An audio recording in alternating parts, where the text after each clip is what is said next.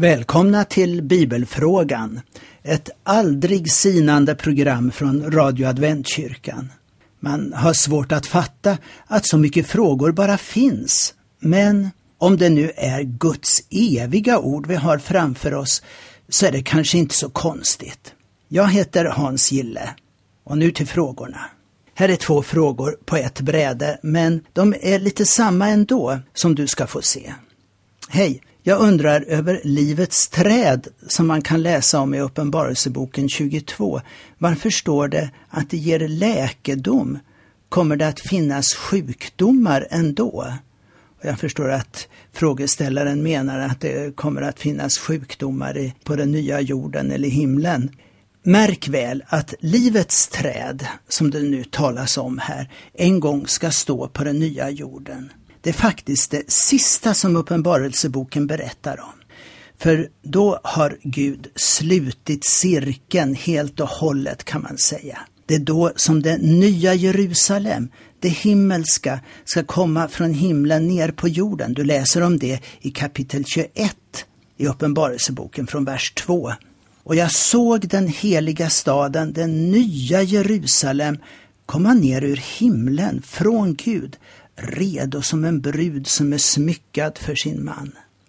Så det himmelska Jerusalem, det kommer då ner på jorden. Inte så konstigt då att det behövs en ny jord med tanken på vad vi har gjort med den vi har nu. Och detta himmelska Jerusalem, den står det sedan om i 22 kapitlet i vers 1.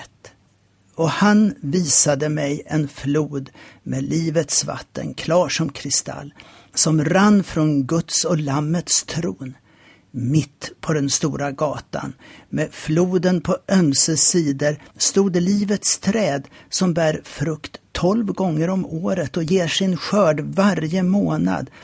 Och trädets blad är läkemedel för folken. Och ingen förbannelse ska finnas mer. Guds och Lammets tron ska stå i staden. Så det här trädet står mitt i det nya Jerusalem, på den nya jorden. Och där har vi Guds tron. Guds och Lammets tron förresten. Från den här tronen flyter sedan en flod ut, livets flod. Och mitt i floden har vi sedan livets träd. Och det är det som det står om att det är till läkedom för folken. Först så kan vi konstatera att i kapitlet innan som vi läste från tidigare här så är man mycket klar med hur det är med ondska och sjukdom och sorg. Vi kan läsa Uppenbarelseboken 21 och 4. Och Gud själv ska vara hos dem och han ska torka alla tårar från deras ögon. Döden ska inte finnas mer och ingen sorg och ingen klagan och ingen smärta ska finnas mer till det som en gång var är borta. Kan ju verka lite motsägelsefullt, men vi har en pusselbit till som jag tycker hjälper mig väldigt bra i det här. Jag kan ställa frågan, var någonstans i Bibeln står det något om livets träd tidigare?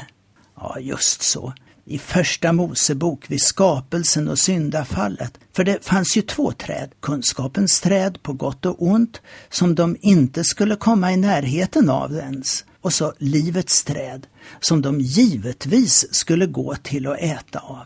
Men efter syndafallet så hindrades Adam och Eva från att kunna komma till livets träd så att synden inte skulle bli evig. Vi läser i Första Mosebok det 3 nu får hon inte plocka och äta också av livets träd så att hon lever för alltid.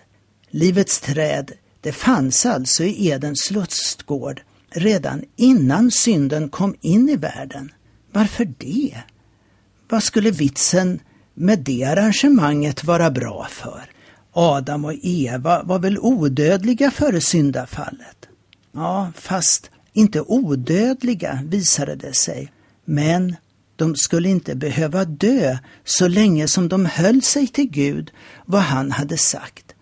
Det är säkert därför som Paulus skriver så här till sin medarbetare Timoteus i brevet till honom, det första, och kapitel 6 och vers 15.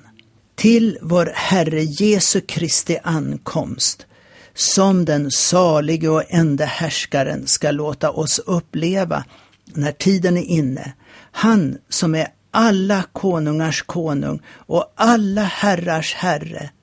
Och så kommer det.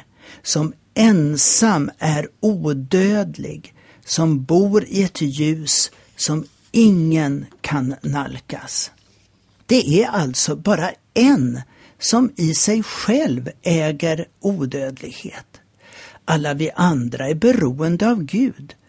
Och det eviga livet, det är en gåva för oss, precis som för Adam och Eva.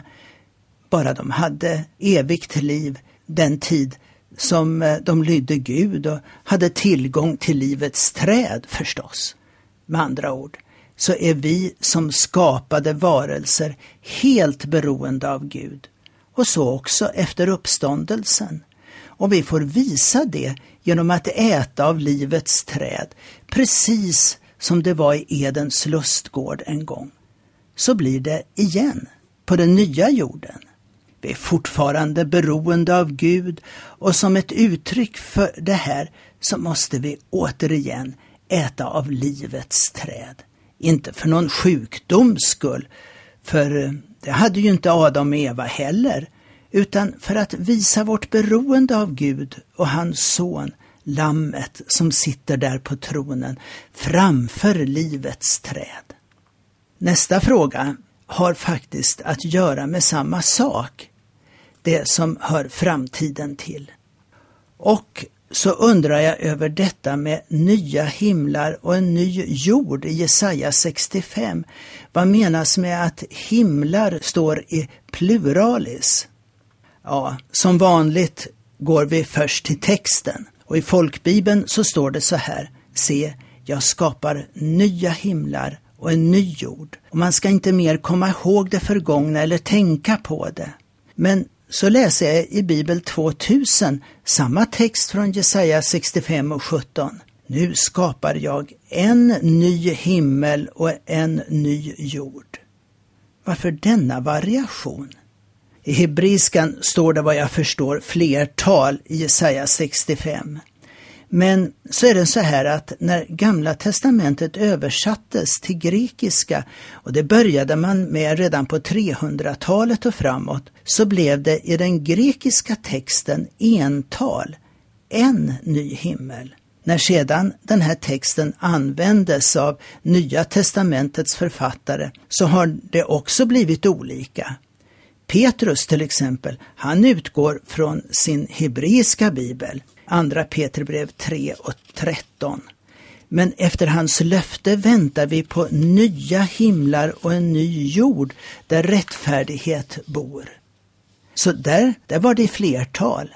Men citatet det återkommer ju också i Uppenbarelseboken 21 och 1 där vi nyligen läste och jag såg en ny himmel och en ny jord. Alltså, där var det ental.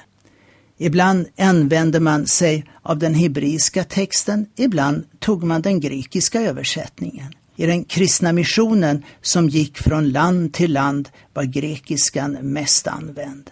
Så det var inte så konstigt om det blev där i Uppenbarelseboken. Det var så här, i Alexandria i Nordafrika så fanns väldigt många judar långt tillbaka. Och Det var därför naturligt att man där började översätta den hebreiska texten till grekiska. Det kallades för Septuaginta därför att historien säger att de skulle ha varit 70 eller 72 stycken som gjorde det här. De nya generationerna av judar som växte upp där i Alexandria, de behärskade grekiskan så mycket bättre än sin hebreiska. Och Det här är alltså som förklaring på att det är olika citerat på olika ställen i Bibeln. Egentligen är det nog samma sak som menas. Jag har en gång hört en förklaring på det här med himlar i pluralis nu då. Och jag tycker den verkar helt logisk. Den säger att man räknade helt enkelt med olika himlar Precis som vi också använder ordet himmel på olika sätt men kan mena lite olika saker.